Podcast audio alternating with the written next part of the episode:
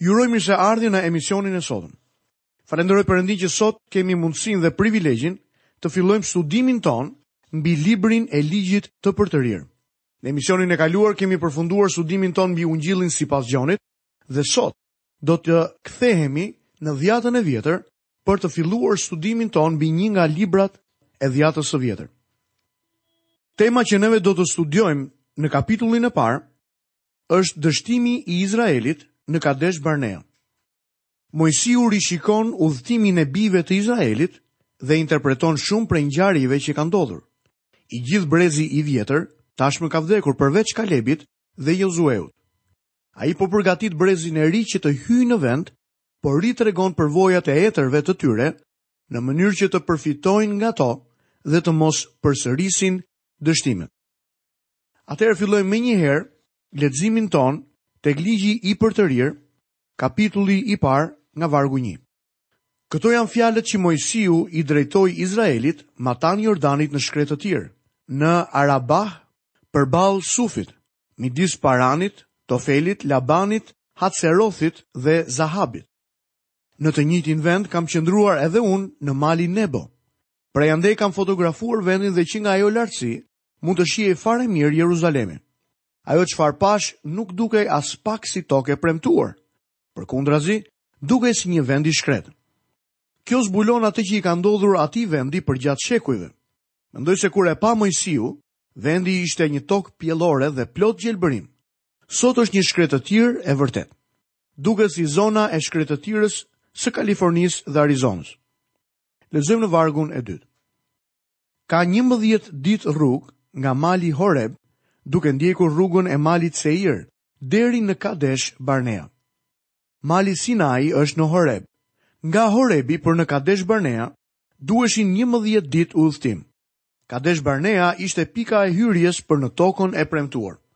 Izraeli shpenzoi tridhjetë e tetë vite duke u endur në shkretëtirë Ndërkohë që mund të ishin dashur vetëm njëmbëdhjetë ditë për të hyrë në tokën e premtuar. Pse i gjithë ky pelegrinazh i gjatë? Për shkak të mosbesimit të tyre.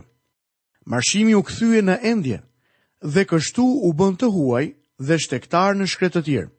Ata u endën për 38 vjet në një shkretëtirë të madhe dhe të tmerrshme, për shkak se ishin të ngadalshëm në të mësuar. Edhe ne miku im, mësojmë shumë ngadalë. Mendoj se duhet ta karakterizojmë veten tonë duke thënë se kemi një inteligjencë të ulët shpirtërore. Është njëlloj sikur Zotit t'i duhet të djegë një shkollë vetëm e vetëm që të nxjerrë disa prej nesh jashtë saj. Lexojmë më poshtë vargun e tretë. Në vitin e dyzet, në muajin e njëmbëdhjetë, ditën e parë të muajit, Moisiu u foli bijve të Izraelit sipas porosive që i kishte dhënë Zoti. Në përfundim të kohës së tyre të shtegtimit, Moisiu drejton bashkëkombasve të tij fjalimin e tij të parë. Në fillim fjalët e tij u dhanë me gojë dhe më vonë u shkruan.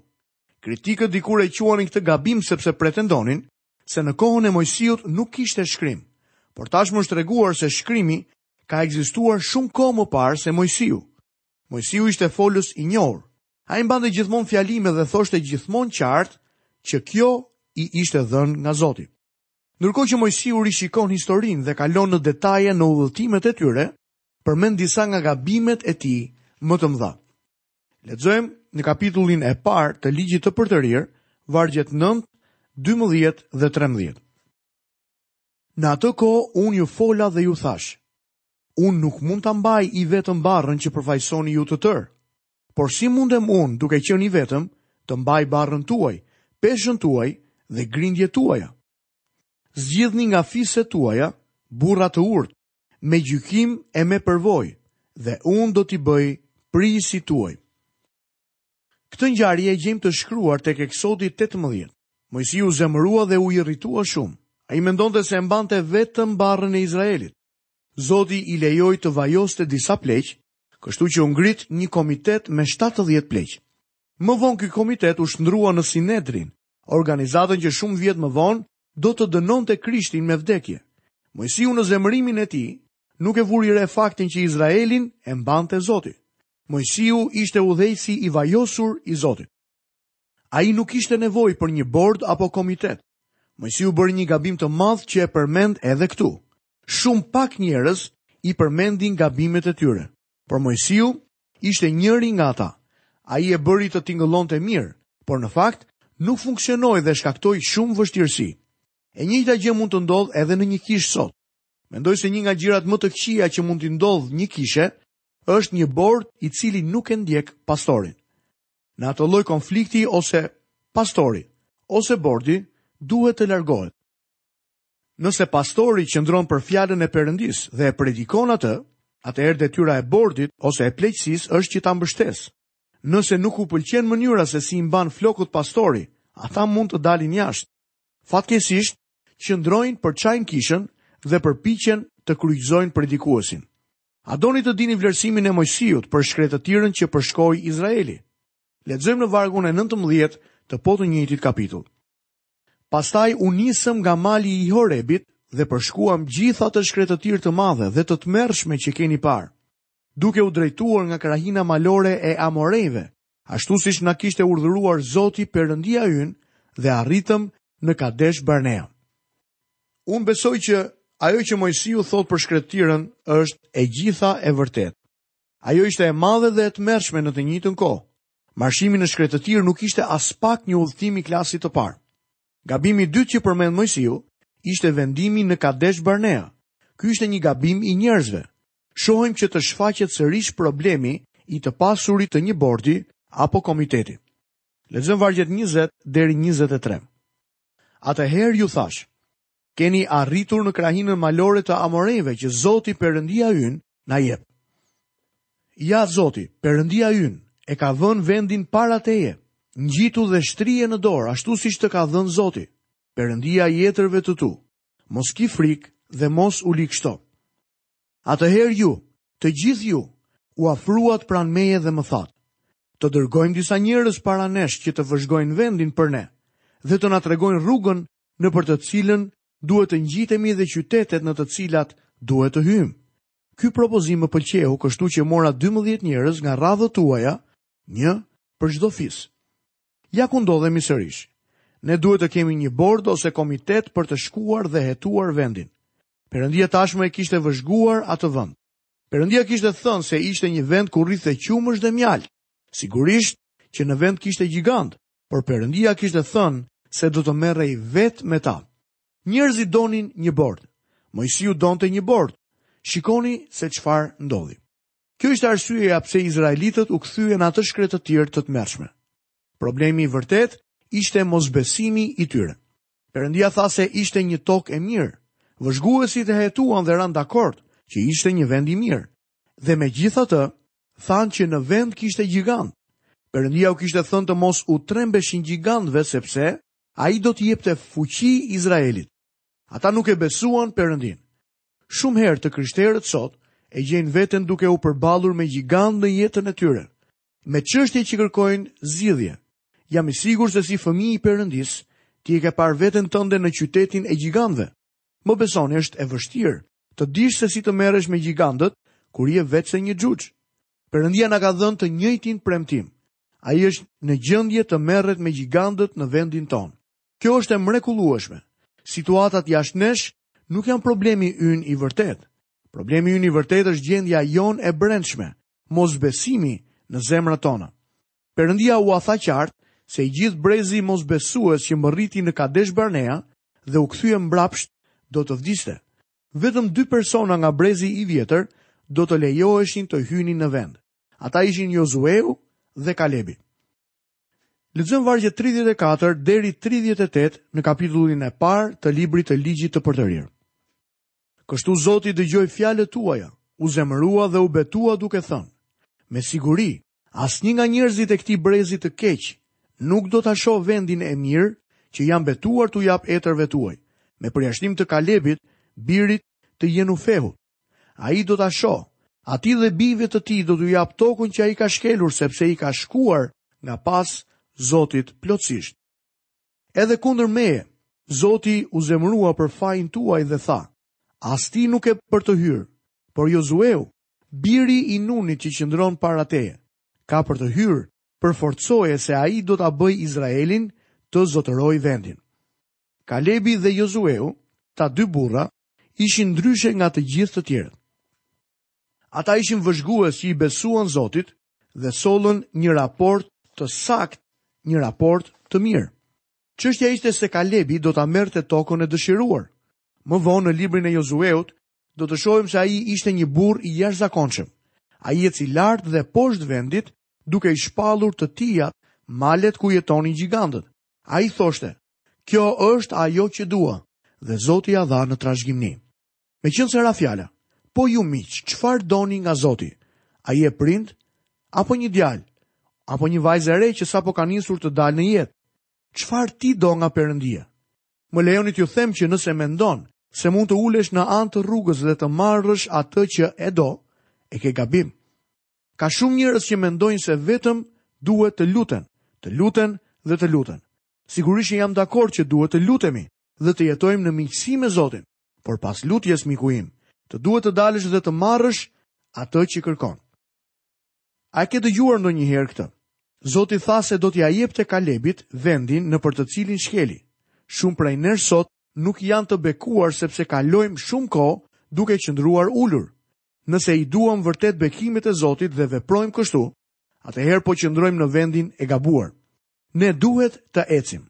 Në Shkrime thuhen shumë gjëra për ecjen e krishterë dhe pak për uljen e krishterë. Ne duhet të mësojmë se si të marrim premtimet e Zotit. Jozueu do të bëhej udhëheqësi i Izraelit pas Moisiut. Pse u zgjodh pikërisht ai? Sepse ishte me përvojë dhe e ndiqte plotësisht Zotin. Ai dhe Kalebi sollën një raport të mirë sepse i besuan Perëndisë me gjithë zemrën e tyre. Besimi ishte thelbësor. Ata i besuan Perëndisë dhe ishin të gatshëm të ecnin në besim. Miku im, ti nuk i beson Zotit vetëm duke qëndruar ulur dhe duke shpallur bekime të mëdha. Ty të duhet të ecësh në besim për të. Lexojmë vargun e 39. Fëmijët tuaj, që ju thatë se do të bëhen pre e armiqve që sot nuk njohin as të mirën as të keqen, janë ata që do të hyjnë, do t'ua jap atyre vendin dhe ata do ta zotërojnë. Këtu jepen disa gjëra të rëndësishme që nuk do të doja t'i linim pas dore. Së pari, mosha e përgjegjësisë është më e madhe sesa ajo që mendojmë ne. Disa nga njerëzit që hynë në atë vend ishin adoleshentë në Kadesh Barnea.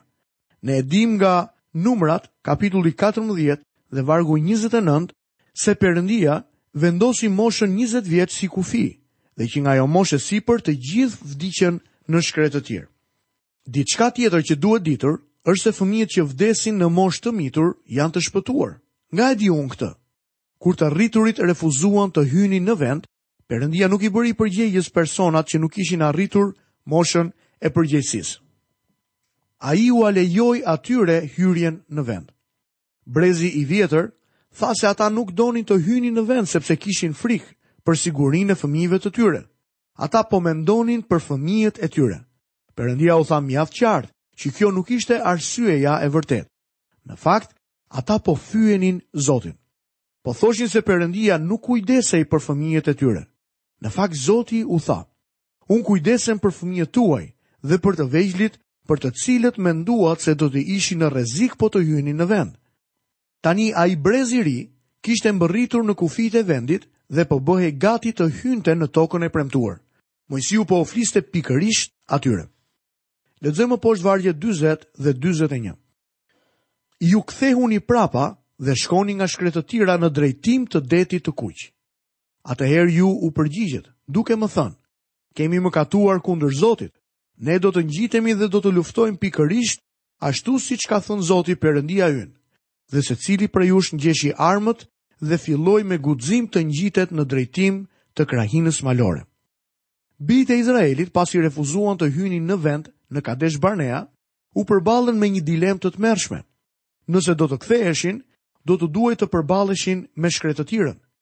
Mbani mend se Moisiu e quajti atë shkretëtira e madhe dhe e tmerrshme, duke e kuptuar që kishin mëkatuar dhe duke menduar përballjen e tyre me shkretëtirën, vendosën të shkonin në tokën e premtuar. Vargu 42. Dhe Zoti më tha: U thuaj atyre mos u ngjitni dhe mos luftoni, sepse unë nuk jam midis jush, dhe ju do të mundeni nga armiqtë tuaj. Mund t'ju them se një luftë e tillë nuk është e mirë. A e dini pse? Sepse ishin jashtë vullnetit të Zotit. Arsyeja pse vendosën të luftonin nuk ishte sepse i besuan Zotit, por sepse kishin frikë. Motivi i tyre ishte frika dhe jo besimi. Ata u motivuan nga frika dhe jo nga besimi tek Perëndia. Lexojmë vargun e 43. Unë jua thashë, por ju nuk më dëgjuat. bile ngritët krye kundër urdhrit të Zotit, u sollët me mendjemadhësi dhe u ngjitët drejt krahinës malore. E shihni, ky nuk ishte besim. Nëse do të kishin ecur kështu për shkak të besimit tek Zoti, do të kishte qenë shumë mirë, por tani shohim që po veprojnë me mendjemadhësi. Mendoj se ka një dallim të qartë midis besimit dhe mendjemadhësisë. Në kursin e shërbesës sime kam këshilluar shumë njerëz. Një herë një person më tha, vëlla, unë i besova Perëndisë dhe mendova se ai do ta bekonte biznesin tim. Shkova në punë duke besuar se ai do të më bekonte, por në fakt nuk ndodhi kështu. Pas pak kohësh, falimentova. A ishte ky besim tek Perëndia apo mendjemadhësi? Kur u futëm më thellë në detaje, Mësova se kishte dëgjuar në një banket fjalimin e një biznesmeni tjetër. Ai kishte thënë se motoja e tij ishte Perëndia është partneri im. Dhe ky biznesmen kishte qenë shumë i suksesshëm. Ai kishte treguar se si kishte lidhur marrëveshje me Perëndinë dhe Zoti e kishte bekuar dhe begatuar. Me sa duket Perëndia e drejtonte këtë njeri. Jam i sigurt për këtë. Gjithsesi mendoj se miku im mund të ketë shkuar në shtëpi duke thënë, në rregull, nëse Zoti do të bëjë që unë të begatoj, atëherë unë do ta bëj partner në biznesin tim. Por Perëndia nuk e drejtoi.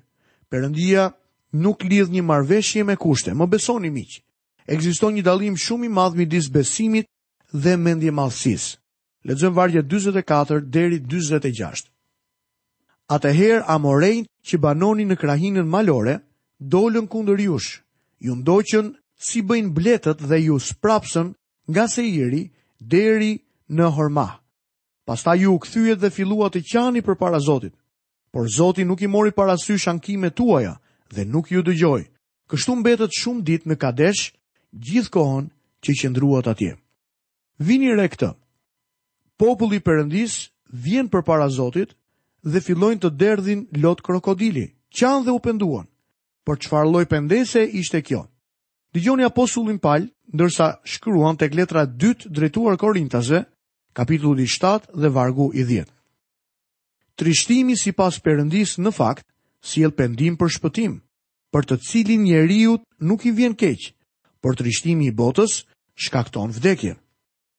A qanë ata sepse nuk iu bindën Zotit? Jo, qanë sepse i ndoqën amorejtë. Mundja ishte arsyeja e vërtetë e pikëllimit të tyre. A e dini se çfarë ndodh kur kapet një hajdut? Ai fillon të derdhë lot dhe të pendohet. Por prisni pak, çfarë lloj lotësh janë ato? A mos po qan sepse është një hajdut? Jo, po qan sepse u kap. Këtu ka shumë ndryshim. I njëjti rast është edhe me këta njerëz. Si rezultat i gjithë kësaj, ata kaluan një kohë shumë të gjatë në Kadesh. Të dashur miq, këtu kemi mbërritur dhe në fundin e emisionit të sotëm. Jam mirënjohës Perëndisë që së bashku kemi filluar një cikël të ri studimesh mbi fjalën e Zotit në Ligjin e Përtërirë. Në emisionin e ardhshëm do të fillojmë studimin tonë në kapitullin e dytë të këtij libri dhe deri atëherë, nga vëllai juaj në Krishtin Akil Pano, paçi të gjitha bekimet e Perëndisë dhe paqen e tij në jetën tuaj.